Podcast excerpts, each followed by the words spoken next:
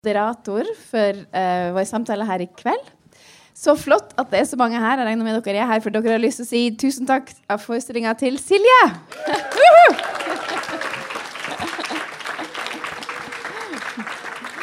um, så jeg skal um, Jeg skal etter hvert sette meg ned, tror jeg, i sofaen her sammen med resten av panelet. Um, og jeg har egentlig lyst å begynne med å bare si at um, jeg er kunstnerisk leder for en dansefestival som heter Koda-festivalen. Vi er en samtidsdansfestival og har et veldig langvarig og godt samarbeid med Riksscenen. Vi gjør som regel en produksjon her sammen med dem og syns det er veldig spennende å tenke hvordan dans på tvers av forskjellige um, sjangre, tradisjoner eh, gir forskjellige uttrykk. Og dette med kropp, da, og dansekroppen, og i dag, på kvinnedagen Kvinnekroppen er jo spennende å tenke på uh, i et større perspektiv. Uh, hvem er det vi ser på scenen? Hvem var det på scenen i kveld sammen med Silje?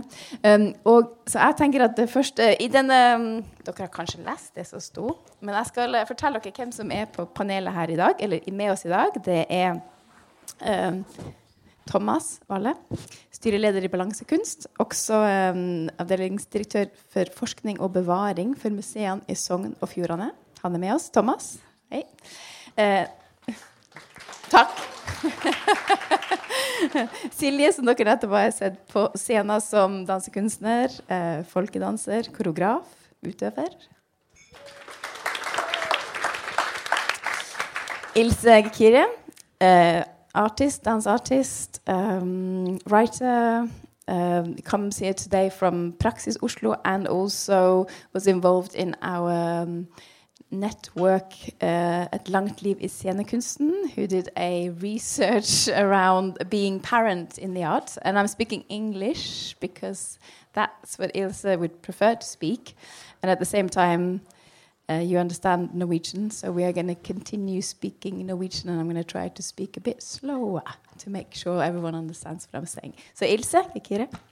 Um, thank you. Og uh, Knut Åstad Bråten, leder for Jørn Hilme-stevne og folkedanser. Velkommen.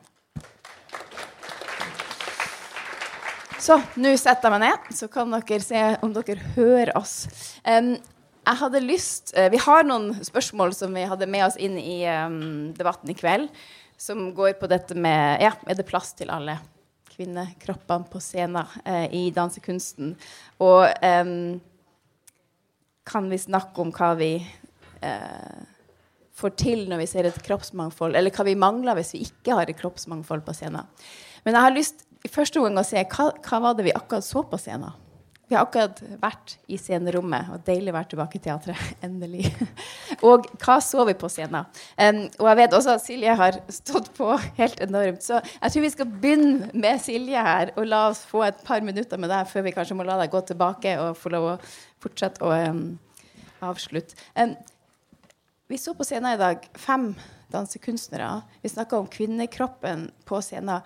Hvordan valgte du disse, eller er det du som har valgt dem? Hvordan ble det denne gjengen på scenen? Ja um, Vi er jo kvinnelige hallingdansere som kommer fra litt ulike plasser i landet. Um, felles for alle er at vi stort sett har vært ofte da, eneste kvinne i et veldig mannsdominert miljø. Det har vært veldig få med livmor som dansa halling i min oppvekst. Så det fantes liksom ikke noe forum der vi kunne på en måte komme inn og prøve å Eller vi var litt ensomme da, i den eh, jakta etter å finne det kvinnelige uttrykket i hallingdansen. Hvordan farga vi vår kraft og eksplosivitet når vi på en måte stikker oss litt ut allerede i kraft av å være kvinne? Og så har jo vi ganske stor påvirkning gjennom måneden i forhold til syklus.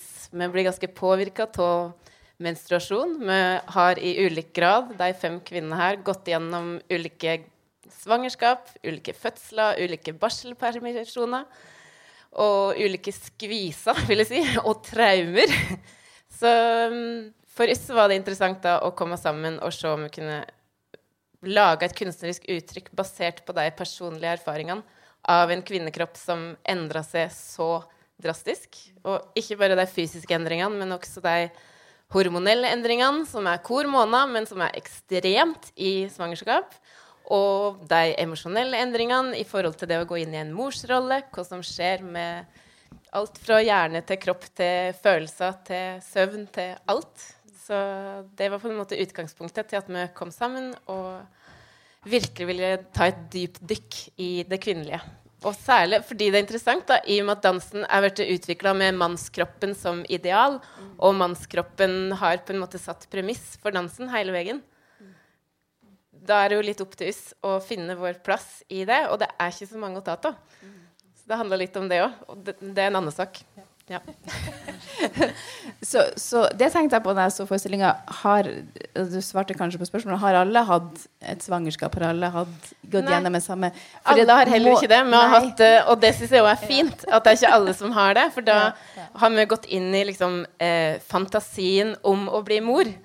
Og da er det fint å ha noen som ikke har blitt mor òg. Og vi har to som har tre barn, og vi ja, har ulik opplevelse av det. Og det er jo på en måte Det har jo slått inn i den produksjonen her òg. Jeg måtte jo utsette premiera. Vi skulle egentlig ha premiere i oktober, og så kom mitt tredje barn. Så da måtte vi utsette til mars. Og så Ja. Så vi kjenner jo veldig sånn daglig på, på mye eh, tematikk knytta til det der, da. Absolutt. Um, så bare en sånn kjapp i salen? Det, var, det, var, det, noen andre her som kjente seg igjen? Som følte en gjenkjennelse, eller som, som så, så, noe inn i stykket som, de, som, som, som, berørte, eller som måte var et øyeblikk som man bare tenkte ah, ah, det, det, der. Er det noen som har lyst til å si noen ting? Ja. ja. ja.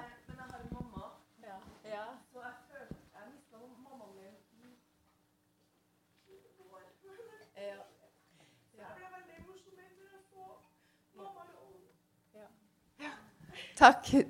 Ja, tusen takk. Det, det slo meg òg når uh, i den i den i det, i det uh, og, uh, løpet av fra, fra, fødsel til til vi skal dø. Eller at det var en følelse av det inni det. Har, takk for at du delte det. For jeg tror det var noe veldig, Dere skapte noen veldig sterke emosjonelle eh, øyeblikk andre menn som følte noe. Jeg inviterer, før jeg går inn i panelet, jeg inviterer om det er noen menn som hadde noen øyeblikk som sto ut for dem, eller som rørte noe med dem. Andreas.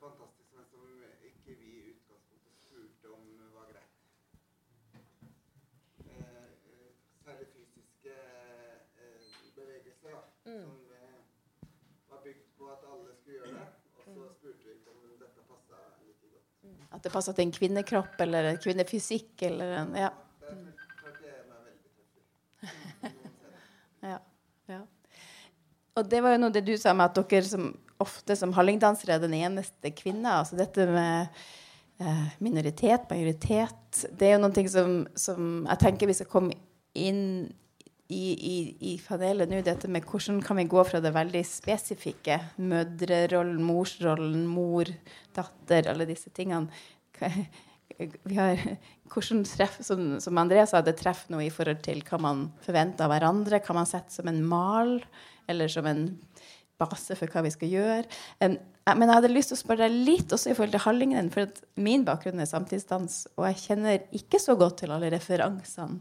Og i begynnelsen så var det litt latter i salen, og det var litt forskjellige ting. Jeg tenkte her er det forskjellige ting som selvfølgelig er personlige, men um, um, hva tenker du om det, den spesifisiteten rundt hallingdansen i relasjon til hvordan har du lekt med å jobbe med spesifisiteten av hallingdansen inn i denne forestillinga?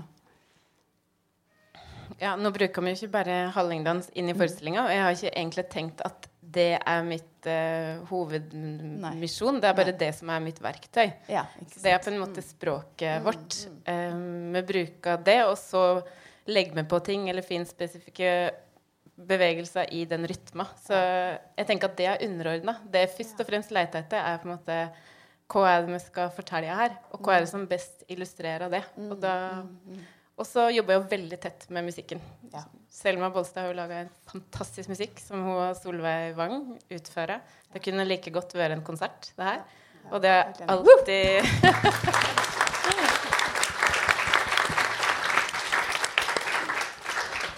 Så jeg tenker at kanskje det er et av de viktigste um, kriteriene mine, i hvert fall, for folkedans. Det at vi er så tett bundet til musikken. Jeg har Eh, Jobba nå som dansekunstner i 13 år, eller noe sånt. Og ennå ikke gjort en forestilling uten livemusikk.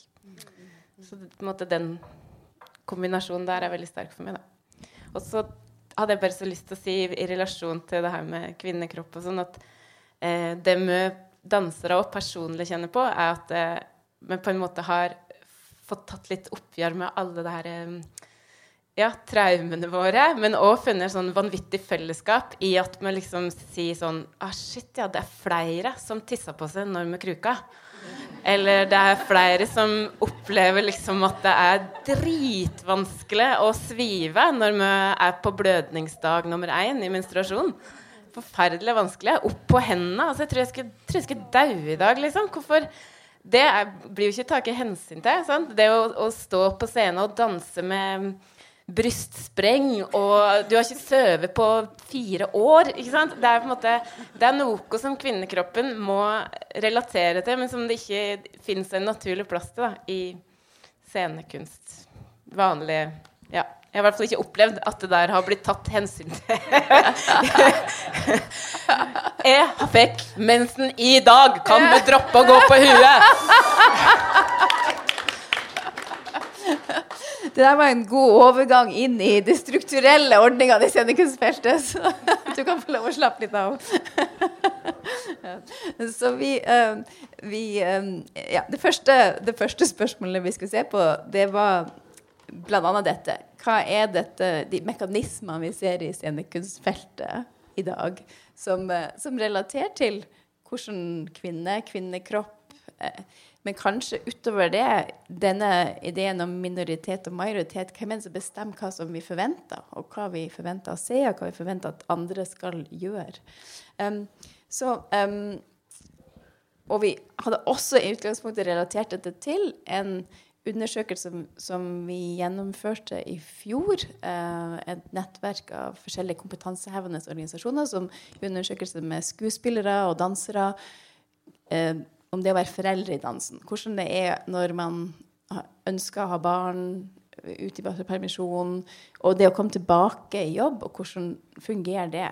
Og da fant vi egentlig at eh, en ganske liten Vi hadde ca. 200 stykker som svarte på undersøkelsen, og det var ca. en tredjedel som sa at de følte på at de hadde opplevd følte på å ha opplevd diskriminasjon. Diskriminering eller eh, vanskelig å være gravid eller å kommet tilbake til svangerskap. Og i dette likestillingslandet, på denne kvinnedagen, hva tenker vi om det? Og hva er det vi tenker vi har å bidra med inn i dette? Um, så den, det spørsmålet har vi gitt til uh, panelet vårt. Um, jeg tenker kanskje at um, Ilse um, har du lyst til å Du så mye tydeligere You looked much more into this um, research that we did. And uh, we looked at artists. And Silja, you also applied to this uh, one about what is this lived experience of having been through pregnancy, being a mother or a father, and, and going into work again. Could you give us like a little bit of, you know, what were the one or two things that came out? One was this thing that, yes, one of one of three, one of three um, artists had felt either discriminated or a bit excluded in relation to their professional work. Mm. Could you say a few things about what why did they give any reasons why what what did they feel is it just a feeling is it a, rea a reality is it a feeling of being asked to do the same thing as everyone else and not being able to what what came out of this um, yeah so i think first of all um, i think if you would do the survey again i think you would do it differently after like seeing the answers so i think um, because we are with um, with uh, several partners in, in, in the group. And so we were trying to reach out to as many people as possible.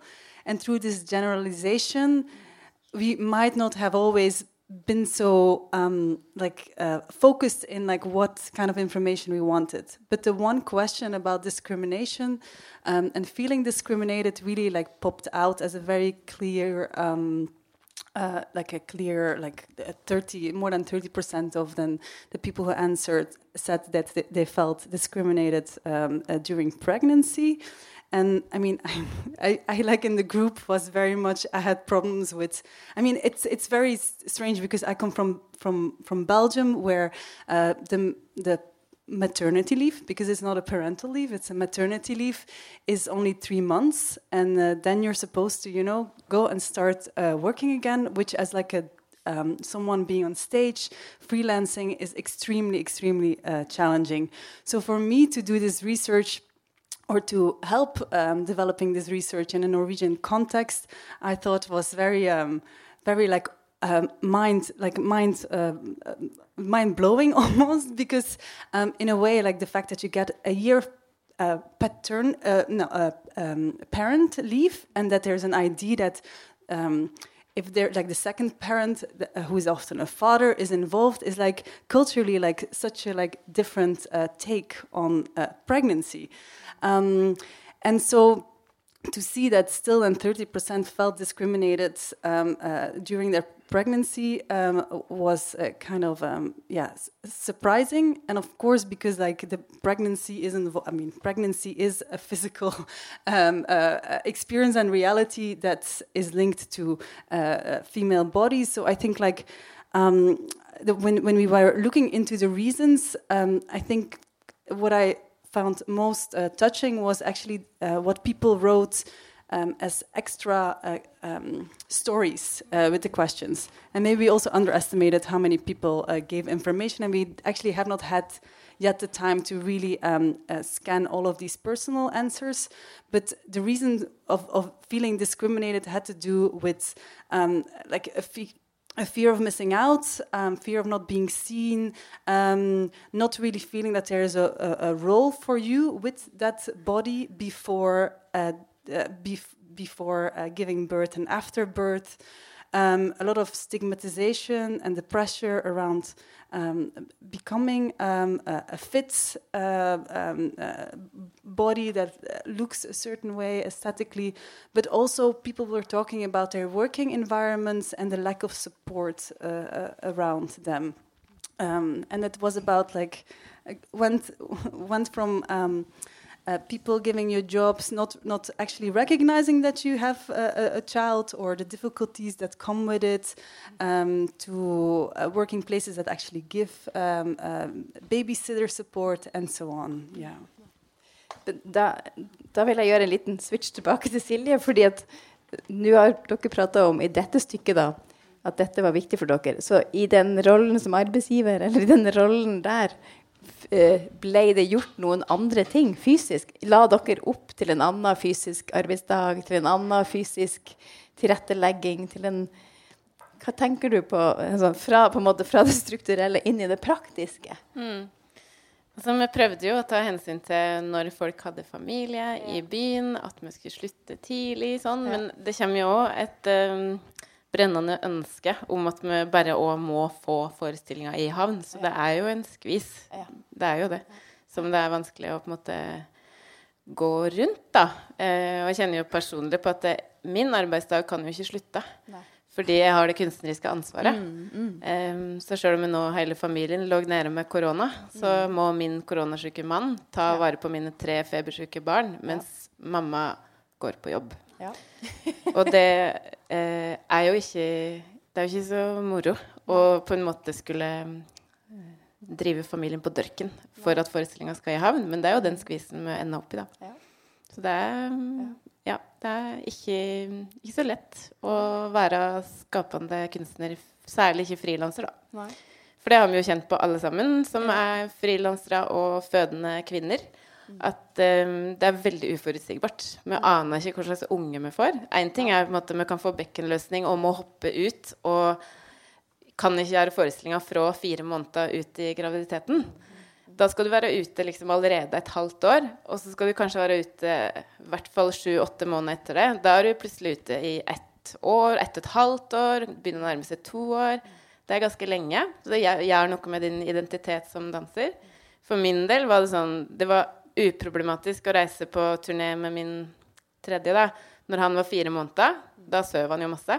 Når han var sju måneder, så var det faens krise, liksom. Da var jeg, da, da var jeg psykotisk omtrent fordi jeg ikke hadde sovet. Så det, det er noe med at det her Du veit ikke. Det er umulig å vite, og det er fryktelig vanskelig da å skulle tilpasse de forestillingene når du ikke aner hva som er forutsetningene. Altså, regnestykket går ikke opp, ikke sant? I tillegg har du ammeproblematikk, og du har liksom det, er- det er masse krav, og kanskje sliter du litt med å føle det vel i din egen kropp, og på en måte akseptere de endringene i din egen kropp. Kanskje har du ikke noe lyst til å gå på den scenen, fordi du er ikke du er på en måte egentlig bare blitt mamma, og så prøver du å tviholde på danseren i det, og så går det litt skeis. Dette er mange av de samme tingene som du nevnte, Ilse, eh, i relasjon til både eh, egne erfaringer som dansekunstner og mamma, og i relasjon til, til eh, denne undersøkelsen vi gjorde. Denne, disse forskjellige følelsene rundt identitet, rundt eh, selvtillit, rundt uh, det praktiske, det veldig praktiske, det økonomiske, og i relasjon til, til, ja, til barna, men, men um, til jobb, til arbeidsgiver og disse tingene. Og der snakka jo vi litt um, Du nevnte, Thomas, når jeg pratet med deg også, dette Hvordan kan vi eh, løfte Eller kanskje det var til og med Knut. Hvordan kan vi løfte dette blikket fra dette veldig praktiske eh, Hvordan kan vi løfte dette blikket fra det som er veldig spesifikt til i dag, denne forestillinga, kvinne, den mødrerollen det må bære fram barnet. Men, men er det noen ting her som, som, som gjør at vi kan se fra eh, dette praktiske til et større Så dette spørsmålet rundt eh, mekanismer, da. Og, og fins det andre um, grupper i scenekunsten som har, som har lignende praktiske utfordringer, skal du si, eller lignende, møter lignende barrierer til en viss grad, eller ja, har, um, har noen lignende erfaringer. Thomas, hva du tenker der? Kan du Jeg hadde håpet jeg jeg, skulle slippe å hoppe rett opp til det store overordnede Ja. Men først, først vil jeg gratulere Silje med en fantastisk forestilling, og gratulere med dagen til alle sammen. Em, det, det jeg tenker på mye når vi snakker om dette, er jo eh, dette her med Vi snakker om å gi plass til masse forskjellige kropper. Hvordan kan man leve opp til egne forventninger eller samfunnets forventninger til hvordan en dansekropp skal være, eller hva man skal møte på scenen. Og det vi så i dag, var jo noe som jeg fikk følelsen av at ja, det er koreografert, men man tar jo med seg fryktelig mye egne erfaringer. Og de finnes jo i alle mulige kropper. De finnes hos ulike folk. Og det kan også være de helt konkrete, spesifikke utfordringene av type OK, i dag kan ikke jeg gjøre akkurat det. Så det, det, når vi da, altså Fra mitt perspektiv så er jo målsetningen må jo være at eh, kunsten skal, kunstfeltet skal være åpent for alle, både som skapende, som utøvere og som konsumenter. Da, og man skal kunne kjenne seg igjen som tilskuer. Og denne type forestillinger, eh, nevnte det så vidt her i stad, eh, handler jo ikke først og fremst om at dere har en ferdig pakke som dere serverer oss. Altså, Mottakeren eh, i salen vil legge sine egne erfaringer inn i dette her. og Derfor så mener jeg at vi må jobbe med å synliggjøre da, at eh, dansen kan romme mye større erfaringer. Eh, og ikke tenke at man er i større eller mindre grad i stand til å leve opp til de forventningene som samfunnet eller dansefeltet eller en selv har satt til seg. Det, det, er liksom, det er det man må jobbe med. Eh, og så er jo dette strukturelle, som du sier, som er en mye vanskeligere jobb. Fordi jeg tenker at det handler jo litt om å gå noen trinn. ikke sant? Først så må vi jobbe med bevisstgjøring. Vi må jo være bevisst på at eh, danser, dansende kropper, da, for å ta det, de kan eh, arte seg på så forskjellige mange måter. Så det er liksom første skrittet. Men så må vi komme, komme dit at ikke man trenger å ha akkurat denne forestillingen livsmødre for å møte den type kropper. Det, det, må ikke bare være sånn at nå skal du gå på en som er spesifikt laget for at alle typer kvinnekropper skal få rom. Det, vi vil jo videre. ikke sant? Men man må tenke at dette her er nok noen steg man må ta på veien. Og det dere gjør nå da, er jo liksom å Ja, du gir oss til en viss grad en knyttneve da, og sier at faen heller, dette er en utfordring, og det er første skritt på veien. Og så har vi en jobb å gjøre. da. Og der, den jobben deler jo vi som tilskuere med dere som dansere. ikke sant? For det er jo noe med hvordan vi klarer å gjøre dette her meningsfullt og ta med oss videre og skape mer bra dansekunst. da. Mm. Takk. Ja. Um, og det, det, fikk meg til å tenke tilbake til noe du nevnte, Knut. For du har jo også en tilknytning til folkedansfeltet som er tydelig. Som folkedanser og jobber med Jørn Hilmes stemme og stevne. Og dette med Du nevnte her om dagen dette med ja, den tradisjonen som finnes da spesifikt i folkedansen, og hvordan den tradisjonen kanskje har allerede blitt utvida? Eller hva har bidratt til eh, Nå er den veldig tydelig, denne knyttneven fra Silje i dag. Men det har vært noen sånne opp gjennom tida. Og samtidig, så, som både du sa, Silje, så vet vi at folkedansen har vært veldig tydelig mannsdominert. Folketradisjonen, kanskje, eh, musikk òg, jeg ser egentlig til deg for å få litt innspill her. For her er ikke den, den er ikke det jeg kjenner best til. Og her sitter vi med et publikum som er eksperter i dette området på en annen måte. Ja, aller først, jeg må takke for en veldig fin eh, påminning, kanskje. Påminning til holdningene våre, og hva slags holdninger vi bør eh, ha. Det er jo litt sånn dannende slik sett, forestillinger. Og rørende, men òg dannende. Vel, hvor skal en begynne? Det er så veldig mange lag i denne debatten her. Det er ikke bare eh, et spørsmål og et svar. Det er lag på lag på lag. Jeg tenker at Ofte er kanskje vår sjanger har et veldig bra utgangspunkt. På den ene sida er vi et veldig sånn mannsdominert miljø. har vært. Men du verden for en revolusjon det har vært i vårt miljø sammenligna med veldig mange andre musikk- og kunst- og kultursjangre. F.eks. klassisk musikkmiljø. Uh, en kan jo stille spørsmål om hvor er kjønnskamp og likestillingskamp i f.eks. det klassiske musikkmiljøet i forhold til vårt miljø. Så jeg vil jo si i løpet av det året jeg har vært med, at det har skjedd ekstremt mye. Og at det er en uh, sjanger som er ganske leikende. Så leikende, så utgangspunktet vårt uh, vil jeg si er veldig bra. Og det syns jeg vi kan minne oss sjøl på også. Uh, sjøl om en nok sikkert kan føle på at uh, her er det noen mannspremiss som ligger til grunn i veldig mye av det vi gjør. Men hvis vi ser, ser, den store himmelen, så vil vi kanskje se at det har skjedd veldig mye også. Og så var det en ting jeg tenkte på når jeg reiste nedover i dag, og det at kanskje er vi å velsigne vårt miljø med litt andre typer kroppsideal enn mange andre miljø. Det er kanskje ikke den uh, ene type kroppen på scenen som har hatt forrang, men det har vært rom til veldig mange andre typer kropper. Uh, kropper som duver bortover kappleiksgulvet på sin måte uh, fordi kroppen er som den er. Så jeg tror kanskje vi har vært veldig heldige med at vi har hatt en annen aksept for litt andre typer kropper. Og det er et veldig bra utgangspunkt når vi skal putte disse kroppene på en scene. Den ene. Så sånn sett så vil jeg bare det er kanskje bare å ta et sånt kjapt historisk riss, minnes om at utgangspunktet vårt har vært kanskje litt sånn så som så. Men der vi står i dag, er vi jammen med, har vi jammen med et bra utgangspunkt for det som skal komme videre.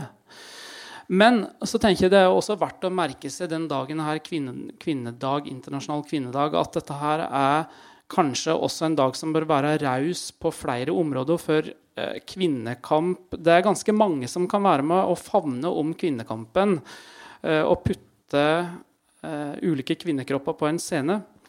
Men det er veldig mange andre grupper i samfunnet vårt, marginale grupper, eh, veldig marginale grupper, enten det er psykisk syke, det er folk med, med, funksjonsnedsettelser, seksuelle minoriteter, som ikke har disse stemmehudene som vi er veldig heldige å ha mann- og kvinnestemmer. Den er veldig sterke. Men det er andre minoriteter. av Den, det er andre underkommuniserte grupper. Den har veldig få som inkluderer deg, inkluderer deg og tar vare på deg. Og det tenker jeg det den dagen her òg kan romme. Så jeg tenker at det er en debatt som ikke bare handler om ulike kvinnekropper og mannskropper på en scene, men eh, minoriteter og marginale grupper i det vide og breie, tenker jeg. Det syns jeg vi kan minnes litt på. Ja, og det, det, tror jeg jo det vi det, det, er det fine poenget for å få det på en måte opp. Og så er jo selvfølgelig debatten er jo da Men er det, er det relevant å prate om at vi er like og finne likhetene, eller er det viktig å prate om det spesifikke, det spesifikke kvinnebehovet, det spesifikke mannsbehovet, det spesifikke eh, funksjonsbehovet det altså sånn, På en måte i en sånn Stikk tilbake til det du nettopp sa, som jeg egentlig er ganske enig i, og som jeg brenner for fordi at jeg tenker at når alle minoritetene, alle minoritetsgrupper, kommer sammen og diskuterer, eh, finner de tingene som også gjør at vi står eh, sammen om samme sak, så blir jo det majoriteten i stedet for minoriteten. Så det er noe rundt det der med å samles rundt hvordan er det å føle på være utenforskap, eller føle på annerledeshet, eller føle på normer som man må leve opp til, eller finne en måte rundt i det, både i det praktiske, i det abstrakte og i eh, Men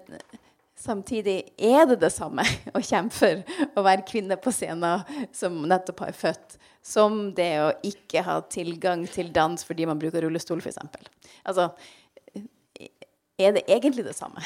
Kan, er, er, er, leter vi etter sammenhenger som som vi kan finne på et sånn abstrakt nivå, men som kanskje vi ikke finner på det fysiske nivået. Altså, I gruppa di, hvor mange forskjeller var det mellom disse fem, fem kvinnene som på en måte har de samme utfordringene, men samtidig igjen er disse individene som har veldig individuelle utfordringer? Snakker dere om det, eller fant det? Ja, vi prata litt om det, og vi er jo veldig klar over at på en måte er vi en veldig homogen gruppe. Det, og det, jeg skulle jo ønske at vi var, hadde flere variasjoner. Men er, det er ikke så mange å ta av når vi begynner å sile ut med hallingdanser og kvinne. Men vi, eh, så da skulle, ja, skulle ønske vi hadde flere variasjoner der. Men vi er jo alle da i svært sånne homogene, streite forhold. Eh, mm. Dessverre. Ja, sånn. Men og så, og så, ja, ja så liksom, det, når, jeg på, når, jeg ser på, den gruppa som er her i dag, så tenker jeg ja, men dere er jo alle eh, fysisk sterke. Dere er alle utøvende. Dere er alle Og samtidig som du eh, så tenker jeg, som Knut sier, i folkedansen, når man ser på i forhold til ballett eller i forhold til samtidsdansen, så er det et, føles det som et bredere kroppsbilde allerede til stede. Ja, det kan du kanskje ha rett i, men det er jo andre ideal. Det er jo andre normer. Ja. Så ok, kanskje ikke vi trenger å være sylfider da, i folkedansen, men så finnes det jo andre kvaliteter som blir hengende høyt. Ja. Og at det finnes sånne eh, normative oppfatninger av hvordan en hallingdanser skal være. At sparker du ikke hatten, så har du ingenting på scenen å gjøre. Da kan du gå hjem og lære det, og så kan du komme tilbake. Så det, det stiller jo andre krav til kraft. Det stiller andre krav til og hoppe høyt og spenst. Og, så vi har jo absolutt eh, strenge krav, syns jeg. Og vi prater om det i, i vår konstellasjon òg. Hvor vanskelig det er for oss å ta steget og si Nei, men jeg kan danse solo på landskapsleiken. Nei, det føler ikke jeg at jeg kan lenger. For jeg gjør ikke fem husstifter fordi jeg har født tre barn på fem år. Så gjør ikke de tre husstiftene. Da kan ikke jeg stille der på, i A-klassa i Hallingdal, sjøl men jeg har kjempa i årevis for å bli den kvinna som er i A-klassa, så kan jeg ikke stille der. Det, og det er på en måte kanskje vår liksom, indre kamp. Da, at vi må kanskje tørre å stille der med den kroppen vi har. Det har vi jo prata om òg. At vi må bidra til å senke den terskelen. For jeg opplever at det er en enorm terskel der. At det fins en sånn Å ja, nei, men når du skal danse på Landskapleiken, hvis du skal stille i Halling klasse A, da skal det være sånn og sånn. Men er vi da med på å bygge opp under det der, eller kan vi være med på i fellesskap å rive deg ned? Ja.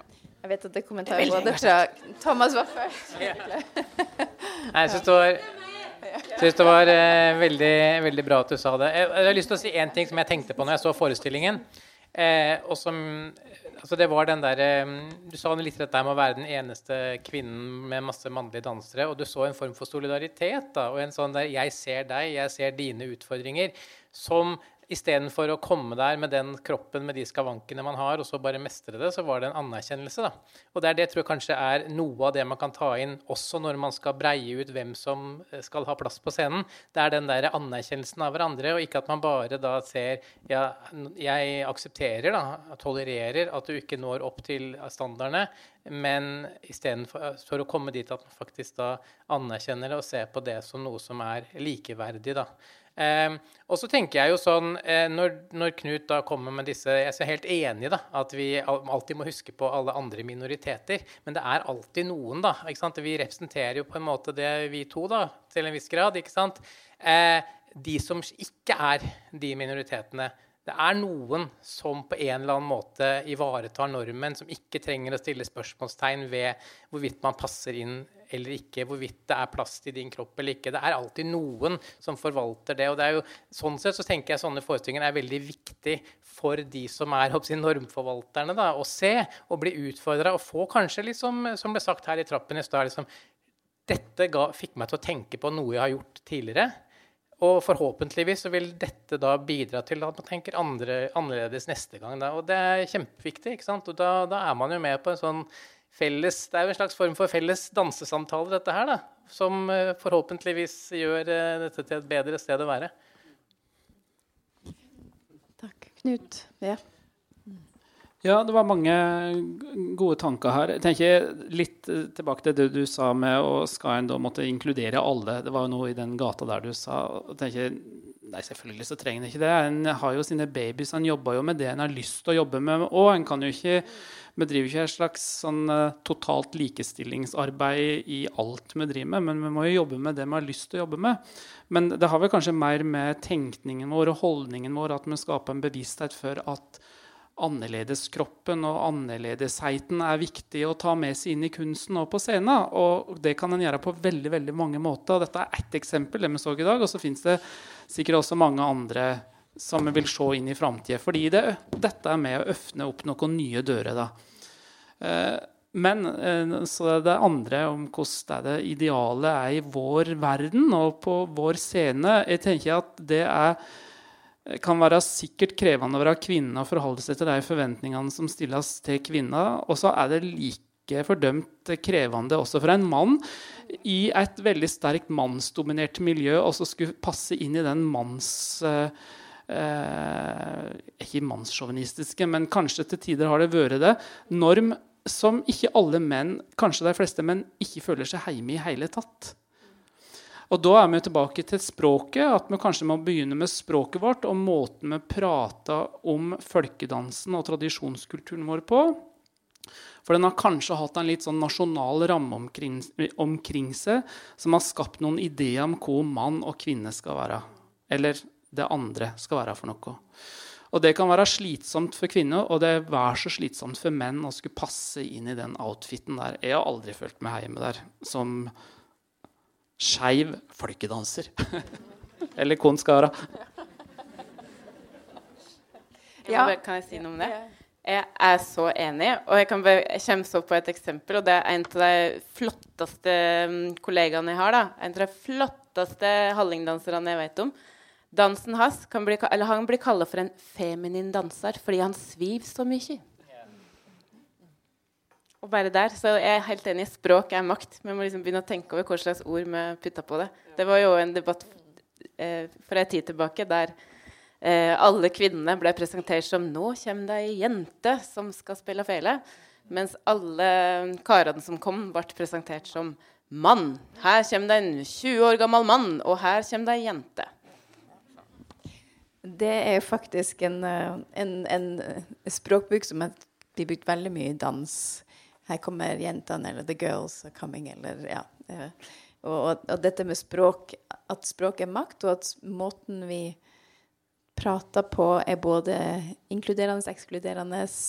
Eh, men vi må òg forklare da, til en viss grad. fordi vi kan også ekskludere utafor den eh, informasjonen vi har. Hvordan, og hvordan bruker vi kanskje det neste da, for språket? Og kanskje siden vi snakker om scenekunst, som ofte bruker musikk og dans, kropp og lyd som, og, og lys som forestillinga, som språk, da. Hva, er det, hva tror vi at, at, kunsten da kan bidra med inn i dette spørsmålet rundt eh, kroppsmangfold og mangfold? Og det neste spørsmålet, det andre spørsmål to, som, jeg, som alle i panelet fikk, det var liksom, hva går vi glipp av hvis kroppsmangfoldet ekskluderes? Og i en kunstform som, som ofte har kropp som utgangspunkt, men også har andre elementer, da. Og, og, der språk, hvis vi prater om språk, kan også relateres til kropps... Altså til bevegelsesspråk, og, og, og, hva det er. Um, hva går vi glipp av hvis vi, hvis vi ikke ser på dette mangfoldet? vi var egentlig enige om at det selvfølgelig er et, både et stort spørsmål og et spørsmål som hva, hva, sier man? Sier man nei, vi vil ikke ha mangfold? Men hva, hva, hva, er det som skal til, da? Så det er egentlig spørsmålet mitt. Hva er det som trengs? Hva er det som skal til for at vi kan uh, ha mer kroppsmangfold? Knut, du er klar? Ja, først så spurte du om, uh, spurte du om hva er det med mista. Uh, jeg tenker ofte at et samfunn fungerer ikke hvis ikke alle er med. Et demokrati fungerer når alle er med i det demokratiet. Og Hvis vi skal ta det, uh, til det på alvor, så betyr det at da må vi tilrettelegge for at alle skal kunne være med, og alle skal kjennes inkludert. Enten på en scene eller delaktig på andre måter. Og så er det noe med det at uh, kunsten det er en veldig alvorlig uh, affære, egentlig den skal jo prøve å tegne livet vårt, prøve å avdekke, gå bakom, gå rundt. Eh, si noe om samfunnet vårt som eh, kanskje veldig mange som vi ikke får høre på andre måter. Det er kunstens, en av kunstens virkelig store oppgaver.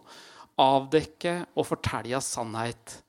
Og hvis vi skal fortelle sannheten om livet og sannheten om hverdagen, så er det viktig at den som forteller den historien, representerer oss, at det er atkjennende.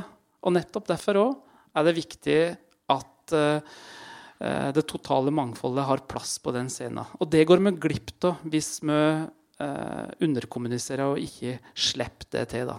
Det var det ene. Hva er det vi går glipp av? Men hvordan skal tilrettelegge for dette her? Og da kan en sikkert ta på seg sånn politikerspråk og begynne å prate om virkemiddelapparat og strategidokument og det ene med det andre. Men det får komme i andre rekke. Det første handla om holdning, og det første handla om språket. Så jeg tror vi må begynne der. Språket. Uh, that reminds me that How are you feeling included, Ilse, in terms of jumping into Norwegian with your English? Uh, any okay. any yeah. comments? Have you? Is there anything um, that you've been picking up from what we've been talking about that you feel like ah, I wanted to say that and I just missed the um, moment? um, yes, I think. Um, uh, so my background is in contemporary dance in, in, in Belgium, and that's like my local context, and that's where I've been working up until two years ago, since I'm uh, when I moved here. And so um, uh, five years ago, I did a research into sexism in the Belgian dance field. And so this was like half a year before um, there were the discussions around Me Too. Um, and so in the Belgian, oh, there's so many things that I was thinking about, but um, in the Belgian dance field, up until then, there was like no talk about like um, gender or feminism. It was all but seen as this kind of thing that we had done in the 70s, and we were past that. And then actually, when all of these stories came out about like the social reality of what it means to be a woman um, in uh, society, but also in an in an arts field or in, in a dance field, and to then actually start to think about like what does it mean to experience that oppression and what are all the layers then i come to your really really general and grand like difficult question like how are we going to um, uh, address all of these um, uh, mechanisms of, of discrimination? Because they are infiltrated in our society and in our professional fields and in art fields like on so many layers. And so for me, it is about like, I mean, if I talk about like dance, it is like the, the conversation that I had in that research were about dance education. Like, how are you already like in your education uh, profiled, stimulated to be certain way? So in the, in the performance, you were talking about like the hysterical woman. I mean, that has been in the the Belgian dance field like a very much like a, um, not even a stereotype, like a very popular uh, role, like a and then the other popular role was like the naive, sexy young girl. Um, and so um, in your art education, you're already stimulated to be a certain way and are stimulated based on your identity, and so your gender plays a really big role. Also, of course, other um, aspects of your identity. But then it is it is also about like how like for example like in in our field it's still very much like dominated like the creators like the choreographers they are men. While like if you go to additions to dance educations. Um, I mean, I, I don't think that's maybe the same in folk dance, but in contemporary dance where it's still like a classical dance uh, background or like the schools in the provinces or still like starting with ballet. Ballet is still associated with girls. So uh, girls have to train much harder to get into dance education than boys. Um, and so there's already like a supply and demand change there as well.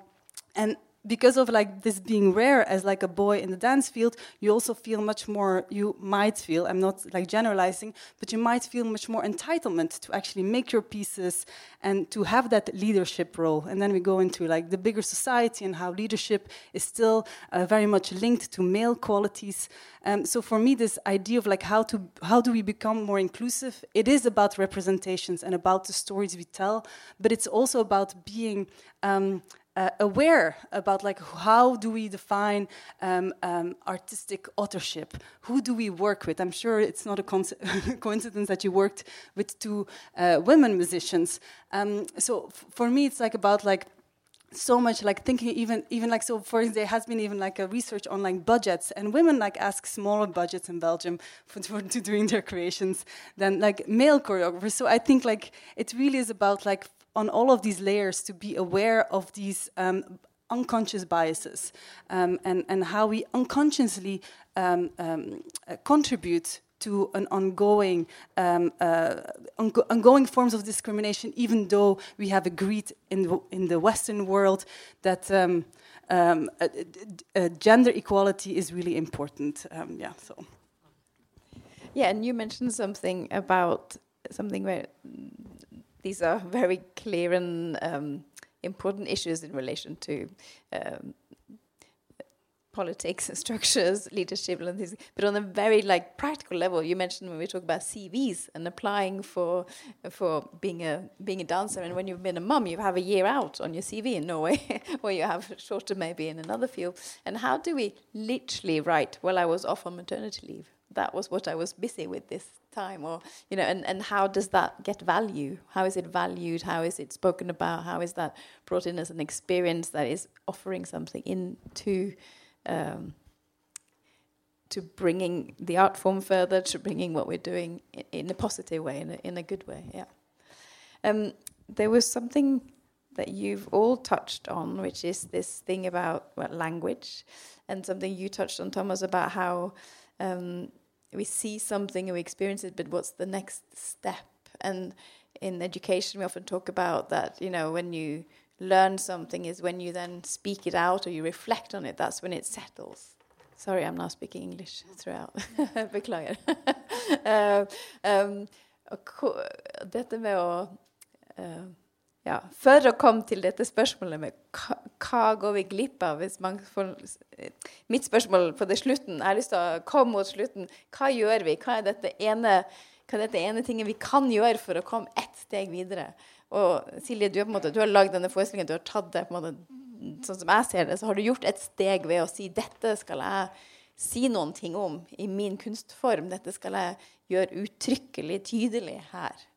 Uh, og du prata om språket, Knut. ikke sant? Og hvordan skal vi uh, få dette uttrykkelig tydelig ut? Uh, Thomas, hva er liksom dette neste steget? For du hadde noen tydelige ja, tanker på det. Um, Ja, nå skal vi ta og oppsummere. Så, nei. Nei, det skal jeg gjøre. nå. Nei, det skal du få lov til å gjøre. Nei, men altså, jeg tenker det er jo noe Jeg, jeg snakket jo om eh, synliggjøring, ikke sant, som er første skritt. Og så vil det kanskje være en tanke om inkludering. Men så er det jo dette her også synliggjøre maktstrukturene, som alle har vært inne på her nå. Og alt dette arbeidet om inkludering og mangfold gir ikke mening hvis ikke vi har en tanke om endring. ikke sant? Det er jo endring som jeg tenker er, må på en eller annen måte være målet vårt. Eh, eh, og det er jo ikke noe du bare kan Det kan du ikke vedta politisk, ikke sant? Eh, det, men jeg tror det er veldig viktig, eh, og det er derfor jeg liksom ønsket å vektlegge det at jeg, ja, dette her er en veldig sånn kvinneerfaringsbasert forestilling, men for at den endringen skal funke, så må jo også de som ikke nødvendigvis har de erfaringene, men vi, vi, vi er nødt til å liksom dele de erfaringene med alle. Og det kan være veldig mange ulike erfaringer. Og da kan jeg godt koble meg på det Knut sa, med enten det er funksjonsevne eller hudfarge som, eh, som diskriminerer deg, eller seksualitet og altså alt dette her. Eh, eh, for vi, vi, må, liksom, vi må ikke glemme det, da, at når vi snakker om mangfold, så er det ikke bare de som faller utafor normen, som representerer mangfoldet. Mangfoldet er alle oss. Og for at alle oss, også vi som på en måte eier normen, da, skal være med å endre, så må vi faktisk vi må avlære oss litt. da, hva, vi, må, vi, må, vi må avlære hva vi tar for gitt, for at det andre bringer med seg, også påvirker meg. da, ikke sant? For at jeg kan legge til masse, masse spennende på scenen, men hvis det ikke endre hva jeg tar som liksom det egentlige verdifulle, så har man ikke lykkes. ikke sant? Og Derfor så er det veldig viktig å trekke eh, jeg det er bra det var mange menn i salen i dag, tenker jeg. For det, det er viktig at dette her ikke bare er noe som blir for en liten gruppe som, som har de samme erfaringene. da. Ja. Flott. Da, da, det fikk meg til å tenke ja, så da, dere, alle dere som har sittet der og hørt etter og fulgt med og virkelig er med oss, er det noen tanker, noen spørsmål fra dere nå, da? På dette tidspunktet? Dette her er jo endringsagentene. Ja, det, det, det er jo vi, alle vi, og ikke bare da vi som sitter her og prater nå, men alle, alle vi som er del i denne endringa. Nei. Har en der og en til.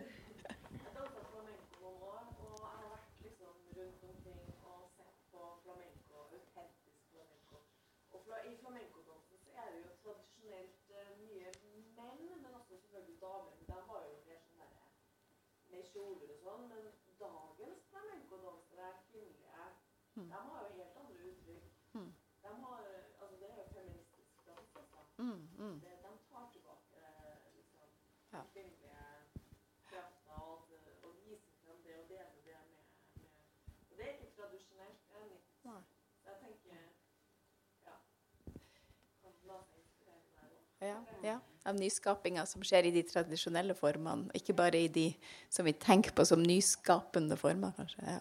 Takk. Unnskyld. Det var en, han som for opp her, og så kommer jeg til deg. Takk. Ja, nei, jeg tenker bare på at i folkedansen så så har de gamle krøppa også en veldig stor verdi. F.eks. på landskapsvei skal en 80-åring vinne klasse A i pardans. Så, så jeg tenker at i folkedansen så har vi egentlig et veldig åpent sinn i forhold til de forskjellige krøpper. Um, og når det gjelder å se positivt på ting, når det gjelder det med kjønn, da, så sist det var landskapslek en gang for lenge siden før korona, så var det faktisk en jente som slo tolv gutter i C-klassa i, i Halling, og vant den Halling-klassa. Så jeg det er, jeg, jeg tenker at folkedansen er relativt åpen, tenker jeg. Problemet var at det var bare ei jente som stilte i den halvåret. Og hele jævla bunchen. Kom med trøy for deg. Ja, det var veldig bra. Så, så, men jeg tenker at vi i folkedansen har egentlig har, har egentlig veldig mye positivt å tenke på også i det forholdet mellom ulike typer kropper. da. Der en 80-åring kan knuse en 20-åring fordi at den har et helt annet forhold til musikken enn den 20-åringen. Og rent pedagogisk så er jo det kjempeflott å tenke på alt det bra som skjer, og dermed kan man også pushe for neste, for neste steg. Eh, her på gulvet.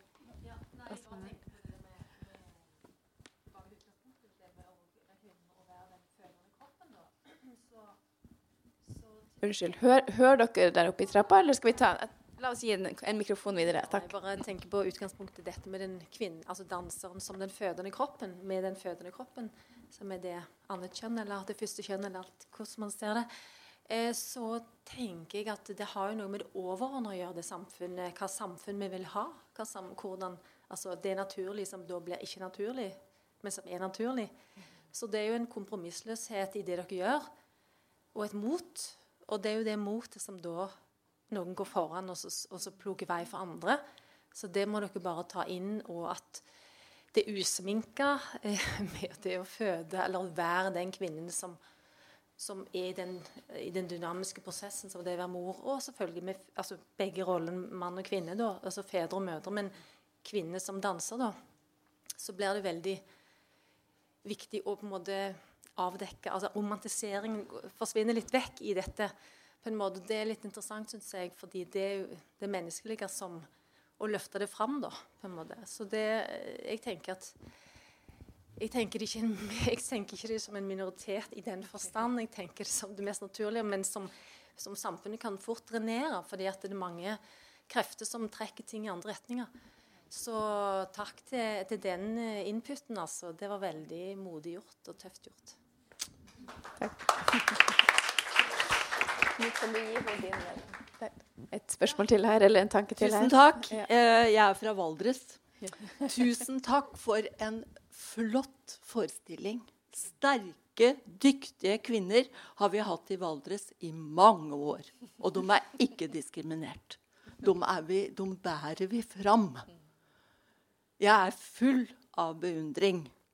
Og der skal i hvert fall ikke kvinnene føle seg diskriminert, Knut. Tusen takk. takk, takk. Er det noen flere som føler seg kalla til å si noen ting, eller har noen flere tanker, spørsmål til noen i panelet, eller kommentar? Er der oppe? Ja, flott. Jeg tror vi skal gi deg en mikrofon, bare for da hører vi mye bedre alle sammen. Ja. Sitter fast. Kanskje du må komme litt nærmere. Litt. OK.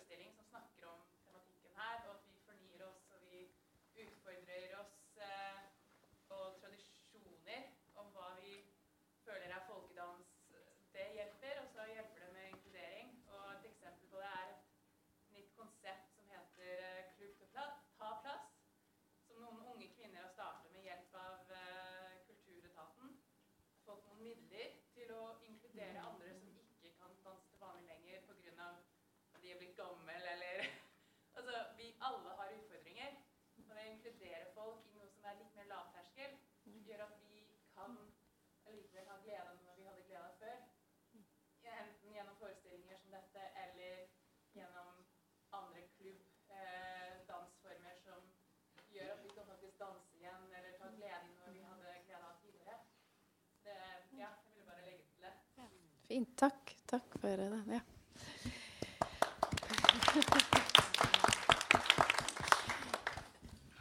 Jeg tror det er et rett tidspunkt å si takk til Ane for Riksscenen og Riksscenen for å initiere til denne samtalen eh, sammen med oss eh, i Koda. Fordi, som du nettopp sa, siste innspill her, det å dele også informasjon med hverandre, det å bruke språket og kunsten til å komme sammen, til å dele, til å oppmuntre, til å uh, utfordre, til å pushe Det det er kjempeviktig. Og det å ha en institusjon som Riksscenen som nasjonale scene for, samtid, eh, for folkekunst inn i samtiden, samtiden og folkekunsten, eh, er veldig viktig og flott å ha. Så da har jeg lyst til å si takk til Riksscenen, takk til panelet, Knut, Ilse, Thomas, Silje. Takk for forestillinga. Takk for at dere var her og bidro til at denne samtalen ble akkurat det den ble. Takk for oss.